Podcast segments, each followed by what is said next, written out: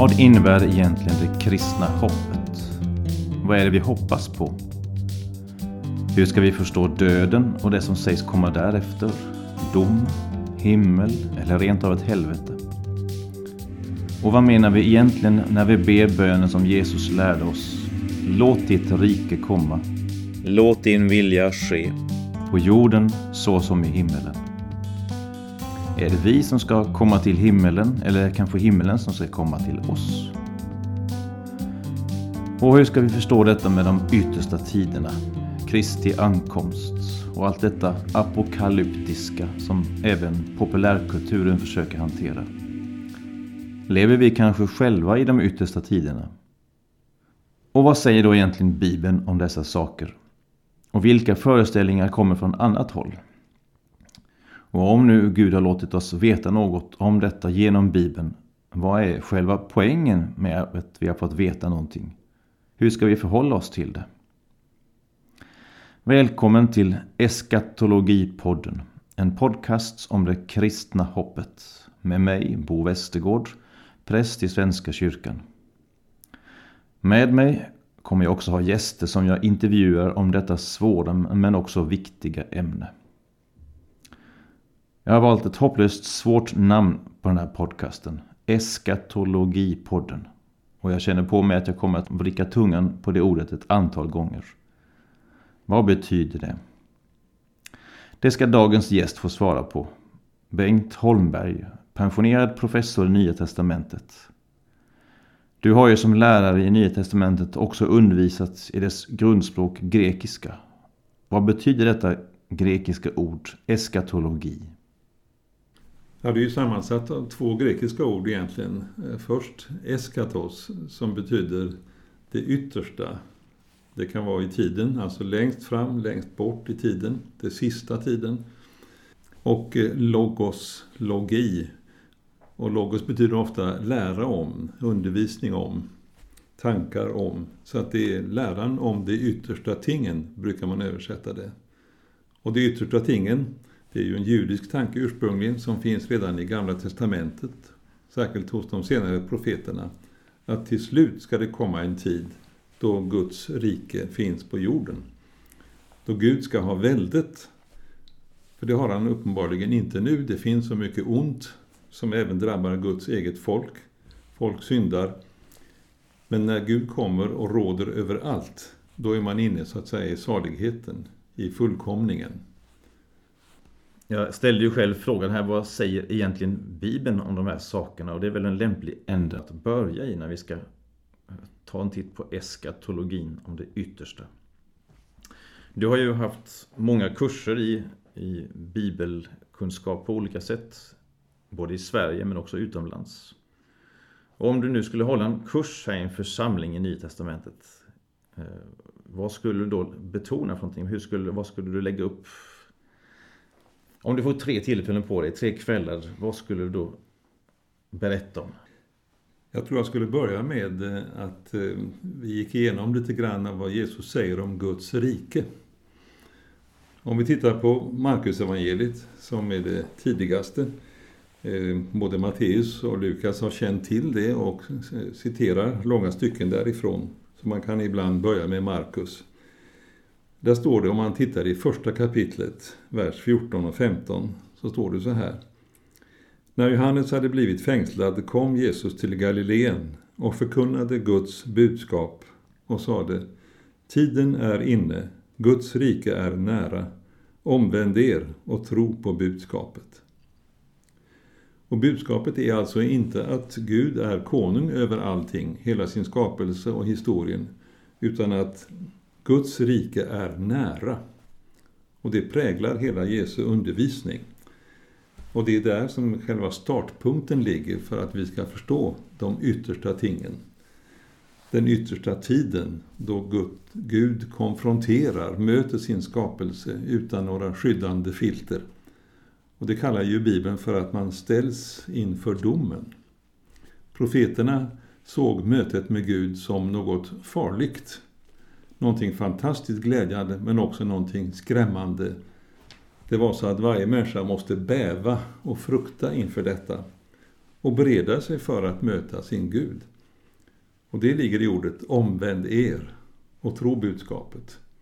Om nu Guds rike är väldigt nära, så nära att man måste förbereda sig, vända om hela sitt liv. Det säger Jesus gång på gång i olika sätt, i liknelser och i klartext. Änden är så nära att man måste förbereda sig, ta ställning, leva i det, ta emot det, nu. Man kan inte vänta tills man har blivit 80 år eller så. Du talar både om de yttersta tingen och den yttersta tiden. Vad är, vad är skillnaden där? Ja, man kan säga att det, det, finns ju med i den här judiska sluttidsförväntan att det är en dom, men det är också motsatsen. Det är en upprättelse, en salighet. Då liksom hela skapelsen når det mål Gud har tänkt att den skulle. Och det betyder att det onda försvinner. Det onda tas bort. Det smälter som lite snö inför solen och vårvärmen. Det onda kan inte existera nära Gud, alltså försvinner det onda. Och det är det, kan man säga, är domen. Motsatsen, frälsningen, det är att få vara med Gud i en djupnande, större, mer omfattande och mer glädjefull gemenskap med Gud. Och motsatsen är att vara skild från Gud i evighet. Detta är så att säga budskapet. Ett omvändelsebudskap. Man kan ju säga att eh, det här ligger ju i centrum för vad Jesus ville säga. Om det är någonting han talar om så är det Guds rike och vad det kräver av oss människor. Det är ingen marginell företeelse det här med Guds dom och räddning. Utan det är själva centrum. Det är det viktigaste av allt. Det går före andra lojaliteter, till exempel till familjen. Eh, det bestämmer hela livet egentligen. Och därför är den lämplig att lägga till grund för att förstå eskatologi. Det är alltså ingen eh, utkantstanke som finns eh, långt bort i kanten på det kristna budskapet, utan det ligger snarare i centrum. Man kan ju gå vidare och säga att det här kommer att leda oss in på det man ibland kallar för de yttersta tingen, alltså den yttersta domen, mötet med Gud och de händelser som ligger strax innan. För Jesus talar ju om den yttersta tiden och de tecken som ska förebåda denna yttersta dom. Det är särskilt i evangelierna så ligger det i Markus 13 kapitel och det finns då i eh, Matteus och Lukas också på samma sätt. Och eh, ibland har man ju försökt göra en slags tidtabell av dessa informationer. Det ska vara krig och jordbävningar. Men änden kommer inte, står det i Markus 13.10, förrän evangeliet har nått över hela jorden. Hur långt bort ligger det? Det finns ett ställe i Markus som man ju kommer in på där Jesus säger att eh, jag säger er i vers 9, förlåt, kapitel 9, vers 1 eh, några av er kommer inte att dö innan de får se detta hända eller Guds rike komma i kraft. Sannerligen, några av dem som står här skall inte möta döden förrän de har sett Guds rike komma med makt. Vad betyder det? Att Jesus tänkte att Guds riket kommer innan hans lärjungar har dött. Till och med den äldsta av dem. Några dör ju ganska tidigt till exempel Jakob, Sebedeus son, eh, när det har gått ungefär tio år efter uppståndelsen så dödas han. Det har ju väckt tankar det här. Är, är det så att vi ska vänta att Gudsriket kommer i kraft, i sin fulla makt, redan i vår livstid? Så tänkte nog en del i den första generationen. Det här med Guds rike, det är ju, trots att jag själv är präst och har predikat om det ganska många gånger, det blir ju ändå lite abstrakt. Att förstå ja. Guds rike, det som Jesus talar så mycket om och som uppenbart är centralt för att förstå det här. Mm. Och det leder naturligtvis in på frågan, eh, vad är tiden? Eh, den här dubbla utgången som vi talar om, tänkte sig Jesus och den första generationen av hans lärjungar att det här ligger bara några år bort. Ibland får man det intrycket. Men samtidigt så är det ju så att säga bara en uppfattning som inte är så väldigt dominerande. Utan snarare är det väl det att i och med att Jesus har kommit till jorden så finns det på något sätt mer närvarande, mer nåbart. Och det ställer större anspråk på våra liv. Bara därför att Jesus har kommit och nu finns han, låt vara efter uppståndelsen i himmelsfärden, så finns han genom den heliga Ande i vår verklighet. Så på något sätt så leder det här in oss i hur vi förstår tid. Och det kanske man skulle säga, om det första var Gudsriket, det andra var domen och räddningen och det tredje kunde vara, hur förstår vi tid? Det får vara tredje kvällen då. Ja, Ja. så tänkte jag kanske. Därför att det, det rör vid saker som är ganska svåra att greppa. Man kan ju ta upp varje sak för sig här, men eh, till exempel, var det verkligen så det var tänkt och menat? Om vi tar det här istället igen, Markus 9, vers 1. Omedelbart efteråt, i Markus evangeliet 9.2 och följande, så tar Jesus med sig tre av sina närmaste lärjungar, Petrus, Jakob och Johannes, de bröderna som var söner till Sebedeus, som var fiskare vid Genesarets sjö, och gick med dem upp på ett högt berg där de var ensamma. Och sen ändras hans utseende så att han, han och hans kläder strålar som solen i styrka. Och det kommer så småningom en röst från himlen där Gud säger, denne är min älskade son, lyssna till honom.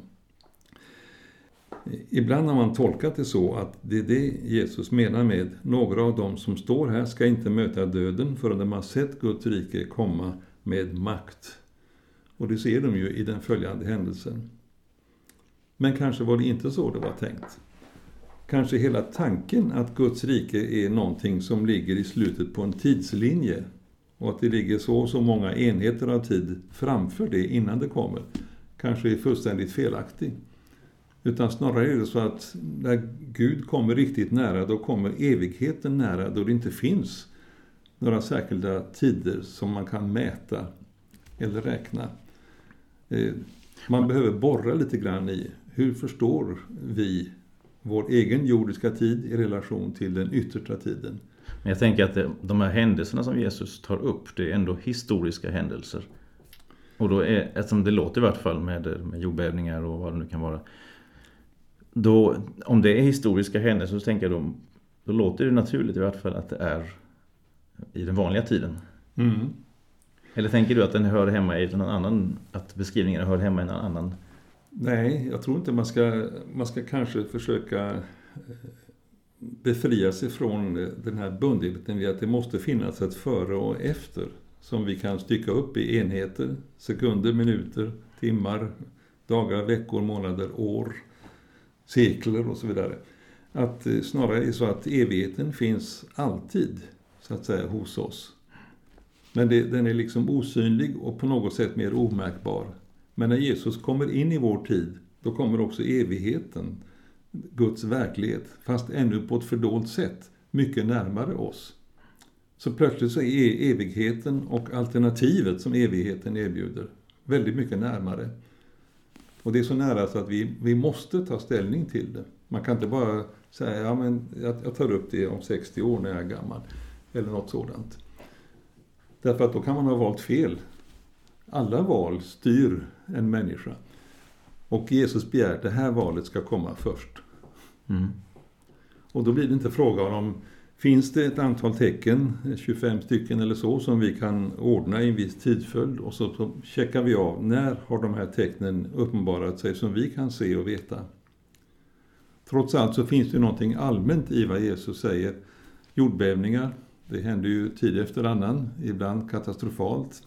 Ibland som i Sverige där vi inte har eh, lika, så mycket vulkanisk grund och så mycket jordbävningar. Fjärran.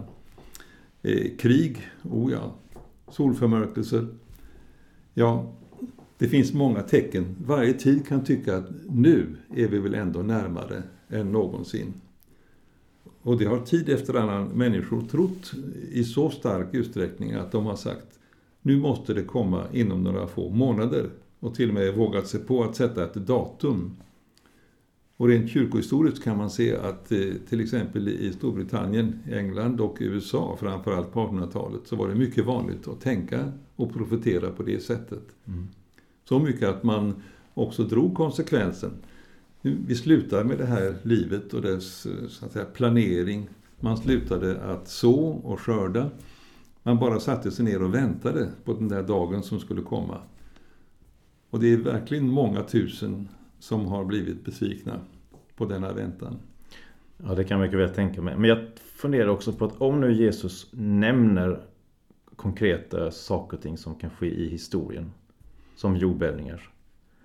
Om det då allt, om det är avsikten med det att vi alltid ska vara beredda för att dessa saker alltid finns. Då låter det lite märkligt ändå i mina öron. Alltså att, att eh, han nämner så många saker som ändå alltid finns och just de ska vara tecknen på hans ankomst. Eller på att Guds rike är nära eller... Ja, det är klart att han använder också ett språk som finns till exempel hos profeten Daniel, som man brukar kalla för apokalyptiskt. Och det i sin tur är ett grekiskt ord som hör ihop med eskatologi, för apokalyps betyder uppenbara. Att man liksom drar undan en ridå och får syn på, så här kommer det se ut till slut. Det finns en bok i Nya Testamentet som vi kallar för Apokalyps, nämligen den sista, Johannes uppenbarelse. Han får himmelska visioner av hur det kommer att se ut, framförallt i himlen, men också på jorden. Det märkliga är ju när man läser denna, så upprepas eh, det ofta i serier på sju som det kommer. Sju domsbasuner eller sju vredesskålar. Eh, sju sigill ska brytas och så vidare. Det verkar som en slags eh, omtag, en repetition som på något sätt äger rum både i himlen och på jorden. En slutsats är att det kanske inte är fråga om vanlig enkel tid. Och att... Eh, om det nu inte är fråga om vanlig enkel tid, vad är det då i fråga om?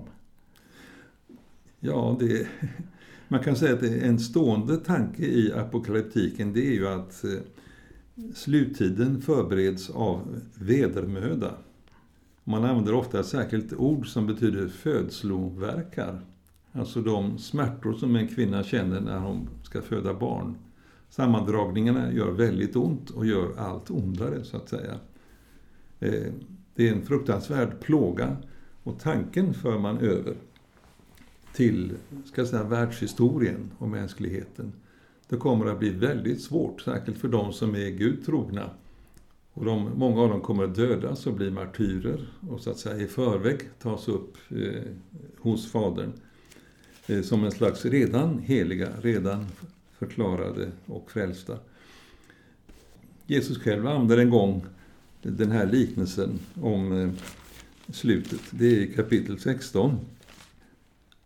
Han talar om att han kommer att gå bort ifrån dem en kort tid och ni ser mig inte längre, ännu en kort tid och ni ska se mig igen. Lärjungarna begriper inte vad han menar. Och då tar han till en liknelse i vers 21 i Johannes 16 kapitel. När en kvinna ska föda har hon det svårt, för hennes stund har kommit. Men när hon har fött sitt barn minns hon inte längre sina plågor i glädjen över att en människa har fötts till världen. Och så kommer det alltså bli. Så att det här med en tätare frekvens av onda händelser, jordbävningar, katastrofer, krig, att ljuset försvinner, att himlen förmörkas när den inte skulle det och så vidare det är en slags födsloverkar för hela skapelsen. Och det den föder fram, det är frälsningen.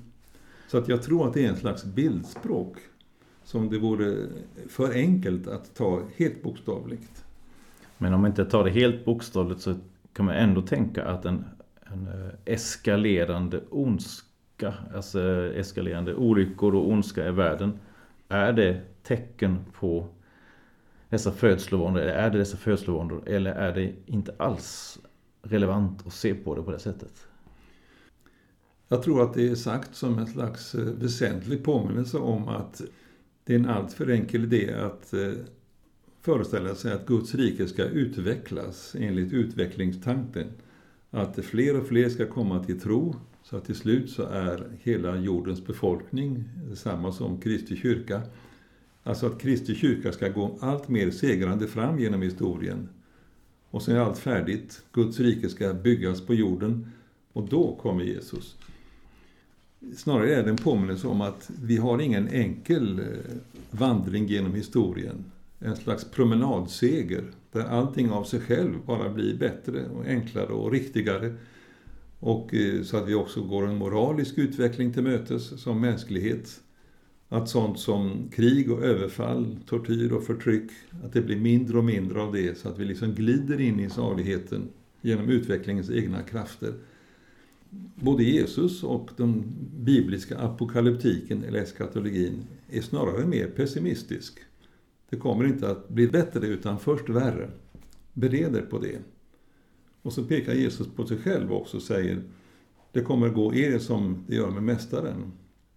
Har man förföljt mig så kommer man att förfölja er.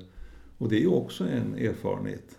Trots att kyrkan ju har växt, men dock efter 2000 år inte är majoriteten av jordens befolkning.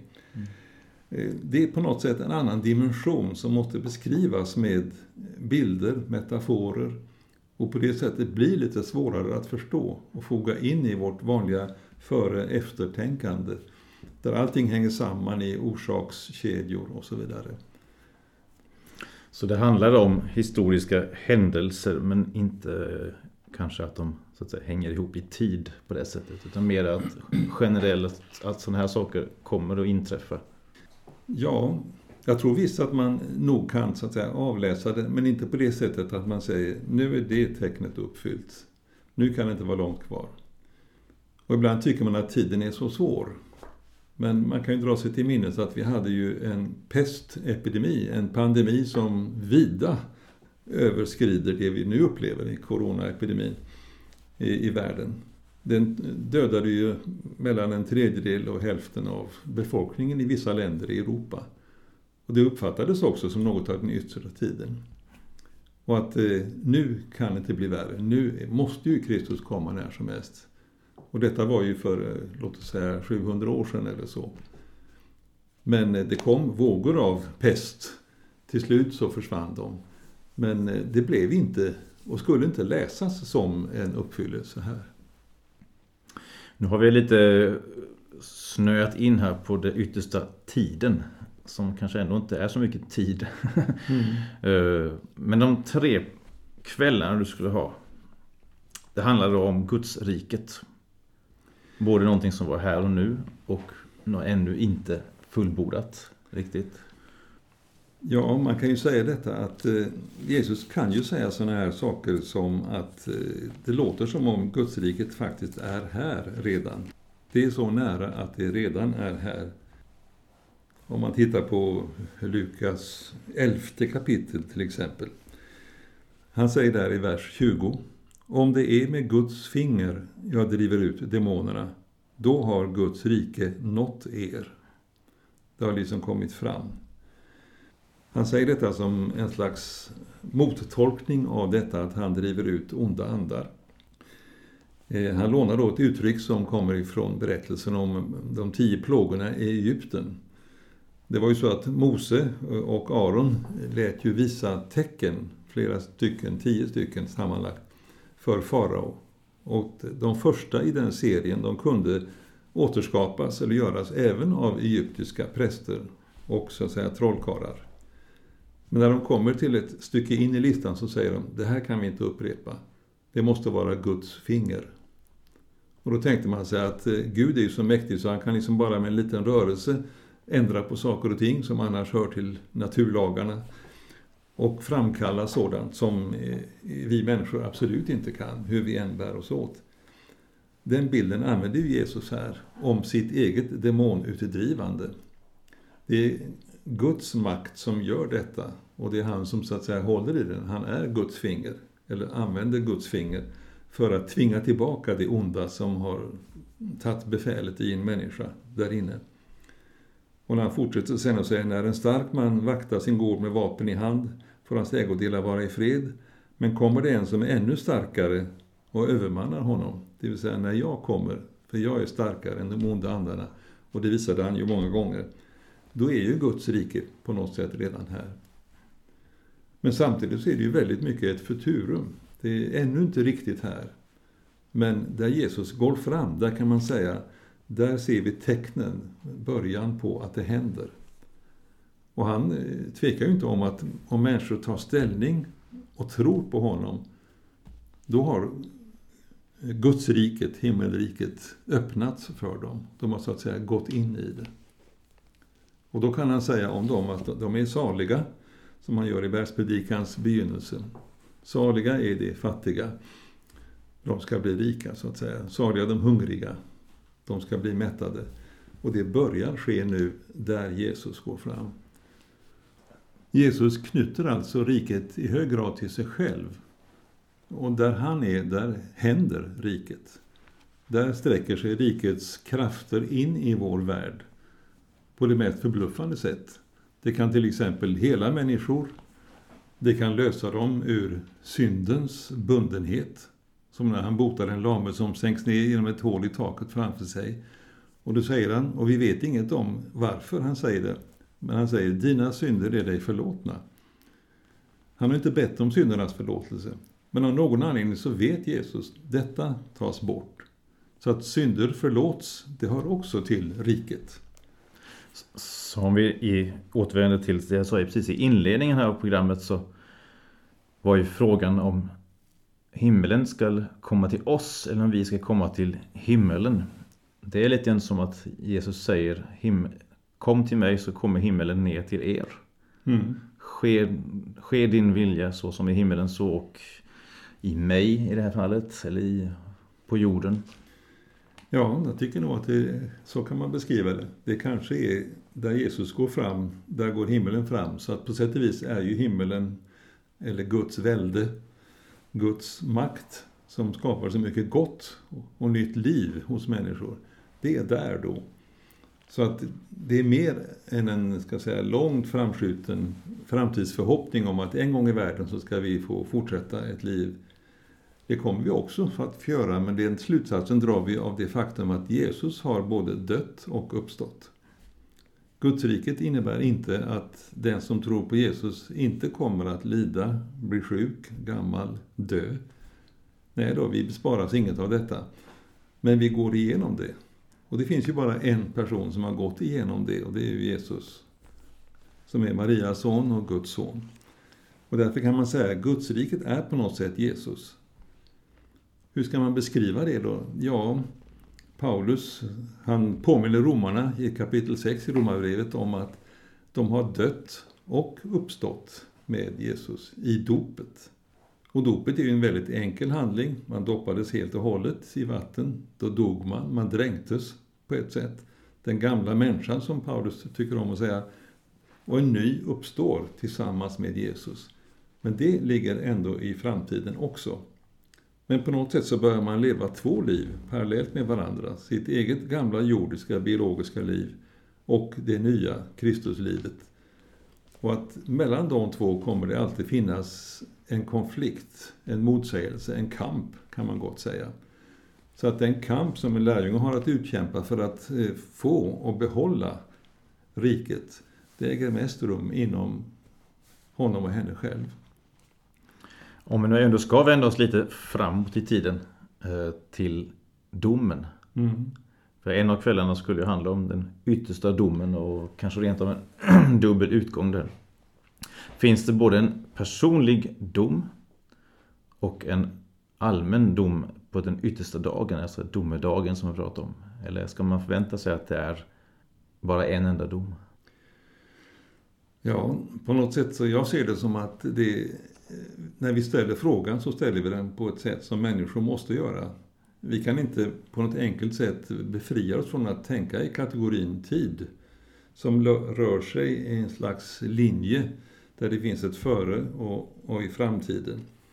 Tanken finns ju förstås att när vi dör så förs vi direkt ut ur tiden in i evigheten och möter då Gud så att domen äger rum i samma ögonblick. Andra tycker att det känns mera som att det finns, måste finnas någon slags vänteperiod där vi inväntar domen för hela mänskligheten samtidigt. Och somliga har då väntat i 2000 år och vi vet inte hur lång tid den väntan är. Men då märker vi att då talar vi ju så att säga i jordiska mänskliga tidskategorier där man mäter tid i år och så vidare. Och så undrar man vad gör man under 25 000 år eller vad det kan vara. Eh, kanske är det en orimlig tanke. Å andra sidan så kan vi inte riktigt föreställa oss hur ser en evighet ut då allting är lika nära. Allting är nu för Gud som är evig. Man kan säga till exempel om, om vi ber att något ska hända i vår värld. Att någon ska bli botad ifrån en viss sjukdom och så blir man det därför att man ber om det. Gud vill att vi ska be om det. Skulle det inte ha hänt annars, då, då rör vi oss in i ett fält med kausalitet, orsak och verkan. Men för Gud är ju alltid lika nära. Det är inte så att han då trycker på en knapp som sätter igång en ny orsak och som verkar. Utan på ett sätt som vi inte kan förstå så skapar han ju hela tiden verkligheten. Alla samband finns. Vi kallar dem kanske för naturlagar, det är ett sätt att förstå saken. Eller vi kan ge naturvetenskapliga, matematiska förklaringar till allting. Men vi ska ju inte göra misstaget att tro att tillvaron är matematik. Tillvaron är orsak och verkan. Utan vi tror ju på en verklighet som är så att säga mycket större och omfattande. Men som av någon anledning ändå fängslas av och älskar den lilla skapade verklighet som är jorden. Mänskligheten, vår historia. Och vi har fått veta lite grann. Vi har fått veta att det finns ett löfte om evigt liv. Det finns en förbundenhet, en enhet med Kristus som gör att vi fortsätter med honom in i den större verkligheten. Men att föreställa sig denna verklighet och veta precis vad som ska hända innan, det får vi inte veta. Vid något senare tillfälle i ett annat program så kommer jag att ta upp det här med döden och vad, som, vad vi tror händer efter den. Men om vi skulle bygga enbart på det vi kan säga från Bibeln, vad, hur skulle du beskriva om man till exempel tänker på det här med om det är en period av sovande som jag tror Luther hade. Eller om man, om man omedelbart kommer till någonting annat. Nu är vi förstås inne i det här med tid igen och ja, krånglar till det för oss. Men om man nu skulle bygga på bara vad Bibeln säger rakt upp och ner. Vad, vad tror du man kan säga att det här vet vi utifrån Bibeln och det andra får vi lämna därhen? Ja, man kanske kan tänka på två saker då. Det ena är till exempel när Paulus skriver brev till församlingen i Filippi. Och han sitter i ett fängelse som man inte vet eh, med säkerhet att han kommer att bli frisläppt ifrån. Och att han kommer att eh, så att säga klara sig. Så han funderar på det, han ber om det. Han säger så här i det första kapitlet av Filipperbrevet. Jag väntar och hoppas att jag aldrig ska stå där med skam utan att jag nu som alltid öppet ska våga lovprisa Kristus med min kropp, vare sig den ska leva eller dö. Ty för mig är livet Kristus och döden en vinning, såvida inte ett fortsatt liv här på jorden ger mig en vinst genom mitt arbete, för då vet jag inte vad jag ska välja. Jag slits åt båda hållen. Jag längtar efter att bryta upp och vara hos Kristus. Det vore ju det allra bästa. Men för er skull är det viktigare att jag lever kvar här. Det är jag övertygad om och jag vet att jag kommer att bli kvar och stanna hos er alla för att hjälpa er till framsteg och glädje i tron. Han talar alltså om, skulle han dö så kommer han så att säga direkt till Kristus. Att vara med Kristus, han förväntar sig det. Och då kan man ju tycka att då är det ju där redan. Så fort han har dött så är han hos Kristus och det är färdigt. Och han funderar över vilket. Båda är tänkbara, båda är önskvärda. Men kanske det ändå är bättre att han fortsätter. Och då blir det nog så också. Och så vitt vi vet så blev det. Det här kanske skrevs någonstans år 60 eller så. När han satt i fängelse. Det låter nästan på honom som det var två valbara möjligheter. Ja, men inte som han väljer utan som Gud väljer åt honom. Men han, han så att säga, spekulerar, han tänker vidare här. Och eh, det han är angelägen om i det här brevet, det är ju att, så att säga, stödja dem. Det är ett väldigt glatt brev på ett sätt. Det där, just i det brevet som man säger, gläd er alltid i Kristus. Eh, man kan alltid vara glad i Kristus, även om man skulle dö imorgon. Du sa ordet spekulera här, det är ju ett ord som jag också kommer att gräva i lite mer lite längre fram tillsammans mm. med några andra som jag ska intervjua också. Eh, det kommer ju från ett ord, att, spegel, spekulum, att reflektera över. Mm. Och det funderar jag ibland på om hur mycket kan man tillåta sig att utifrån det vi vet i Bibeln spekulera eller reflektera över det som vi inte vet men som vi kan försöka tänka fram eller dra slutsatser av det vi vet. Mm. Eller vill du då dra en gräns att Bibeln säger det här och sen så resten, där stannar vi liksom? Jag tror att det finns en nyfikenhet som inte kommer att få svar så länge vi lever. Om man då riktar in hela sitt liv och sitt intellekt på att eh, ändå begripa det så tycker jag att det, det är lite fåfängt. Eh, Jesus har ju sagt till exempel att ingen vet när den yttersta domen kommer. Inte ens sonen, säger han i Markus 13 igen. Det är bara fadern som vet det, säger han. Det låter ju häpnadsväckande. De är ju tre och ett, så att säga, i treenigheten. Finns det någonting som... Ja, men han använder i alla fall ett språk om det som säger att det är så fördolt. Och det, det är ju indirekt att säga, låt bli att spekulera över det. Eller att fästa väldigt stor vikt vid hur ni tänker om det. Det måste ske med en slags öppenhet för att jag kan ha fullständigt missförstått det hela. Man ska inte så att säga, inrikta sitt liv och säga nu vet jag att Jesus kommer i september, förmodligen andra veckan, och så använder jag det därefter. Då kan man säga att det, det, där finns det ju varningar för att så ska man inte leva. Paulus säger att man ska fortsätta att leva, arbeta med sina händer, skaffa en inkomst så att man kan hjälpa sina medmänniskor. Det finns ju de i, i Thessaloniki, det händer, eh, några som struntar i det. Som tycker att eh, andra kan väl sörja för dem istället. De bara väntar på änden. Jag vet ju att du har undervisat i en del andra länder. Har du stött på sådana här föreställningar någonstans? Jo, jag tror att det, det var några år, vi började på 80 ungefär, 1980 vid ett eh, college i Tanzania som ligger vid eh, foten av ett berg som heter Meru. Det ligger inom synhåll för Kilimanjaro, det högsta berget i Afrika. Man kan se det i klart väder. Utanför den stora staden Arusha. Vi känner inte till detta berg, men det är lika högt som bland de högsta europeiska bergen, 4 500 meter. Det heter Meru. Det, där regnar det förstås, som det alltid gör vid berg. Där bor många tusen människor på detta berg. De första kristna missionärerna kom dit för eh, ungefär 1896 eller så. De blev dödade på fläcken nästan kan man säga. Det är alltså martyrernas blod, det är kyrkans utsäde. För idag är det en i stort sett kristen trakt. Men vi fick veta när vi kom dit att det, det, finns en grupp här uppe på berget någonstans bland dessa tiotusentals människor som har bestämt sig för att eh, tro att nu kommer Jesus inom det här året till slut. Så de slutade arbeta. De sköt inte sina planteringar, vad det nu var, kaffe, banan, eh, eh, annan frukt och säd. Utan de bara levde i väntan, därför att det var ju så nära. Så de handlade ungefär som vissa gjorde i Thessaloniki på Paulus tid. Den frestelsen har återvänt många gånger i kyrkans historia. De, de ser slutet som så nära förestående på grund av att de tycker de känner igen vissa tecken att de slutar med det här livet. Så att säga försöker leva i den snart inbrytande fullkomliga evigheten. Men det är ett slags misstag eh, som bygger på en förvetenhet, som det heter på gammal svenska, där man tror sig veta sånt som man faktiskt inte kan veta som människa. Det ligger ovanför oss. Det är en felaktig slutsats. Och då kan man säga att Ja, för att man kunde ju citera Martin Luther som säger om jag fick veta att eh, världen går runt imorgon så skulle jag ändå plantera mitt äppelträd idag. Alltså, det är Gud som bestämmer och vi kan helt tålmodigt och lugnt eh, invänta Guds tid.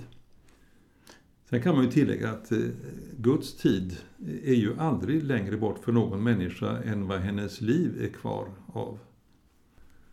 Så att längre bort än så är det ju inte. Om det, om det inträffar om 25 000 år så, att säga, så, så, vet inte vi det och vi behöver inte veta det.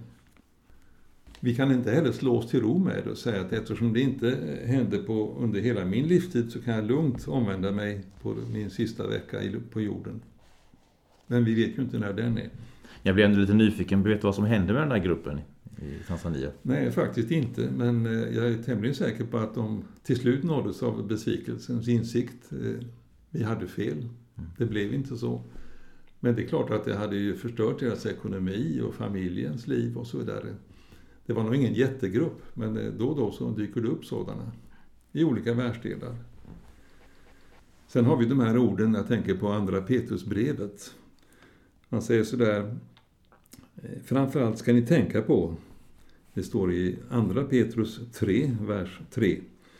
Att i de sista dagarna kommer det hånare som styrs av sina egna begär och som hånar er och frågar Hur blir det med löftet om hans ankomst?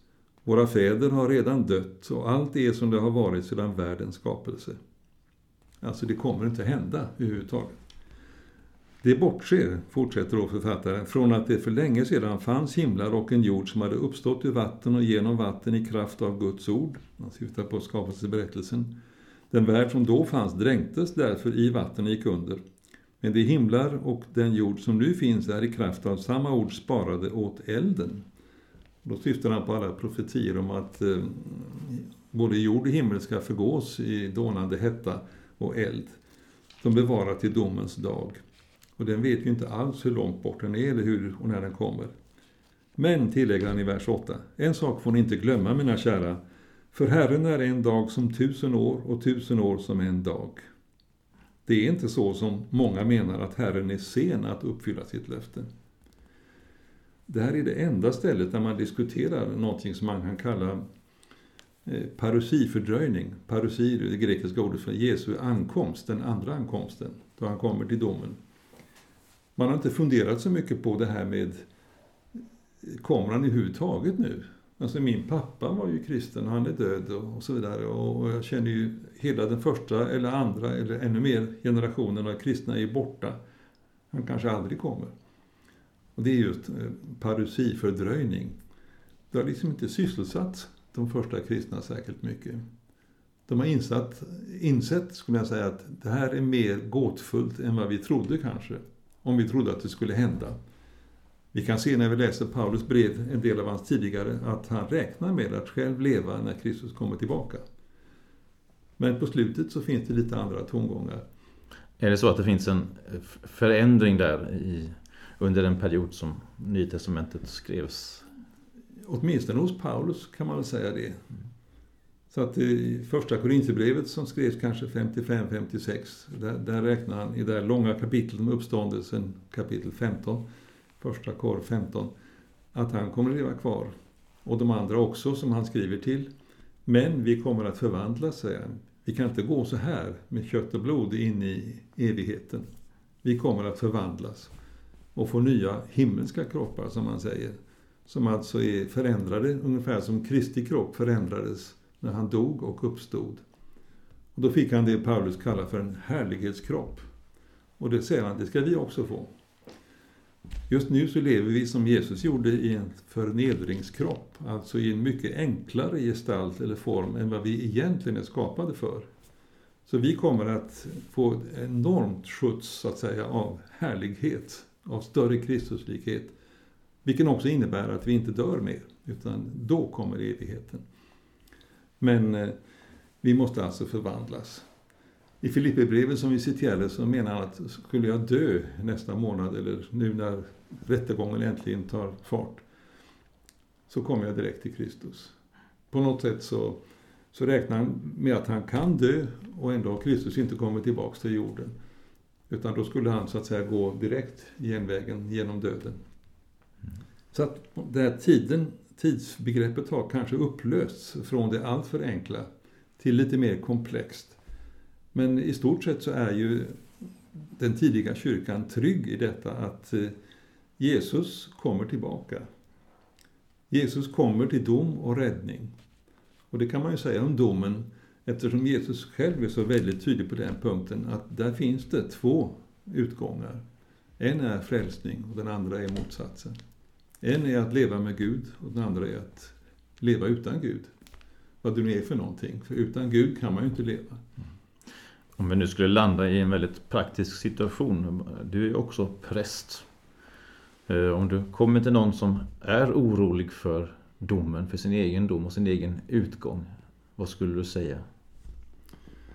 Jag skulle säga att eh, Jesus har gjort allting för dig som du behöver. För att gå igenom domen.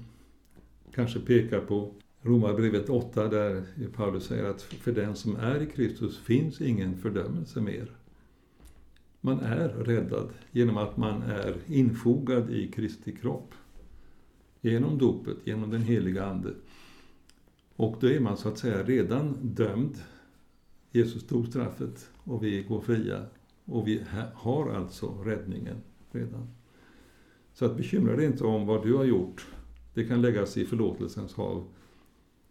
Tro inte att allt hänger på dig eller hur helhjärtad du är. Det är det inte. Kristus har gjort det.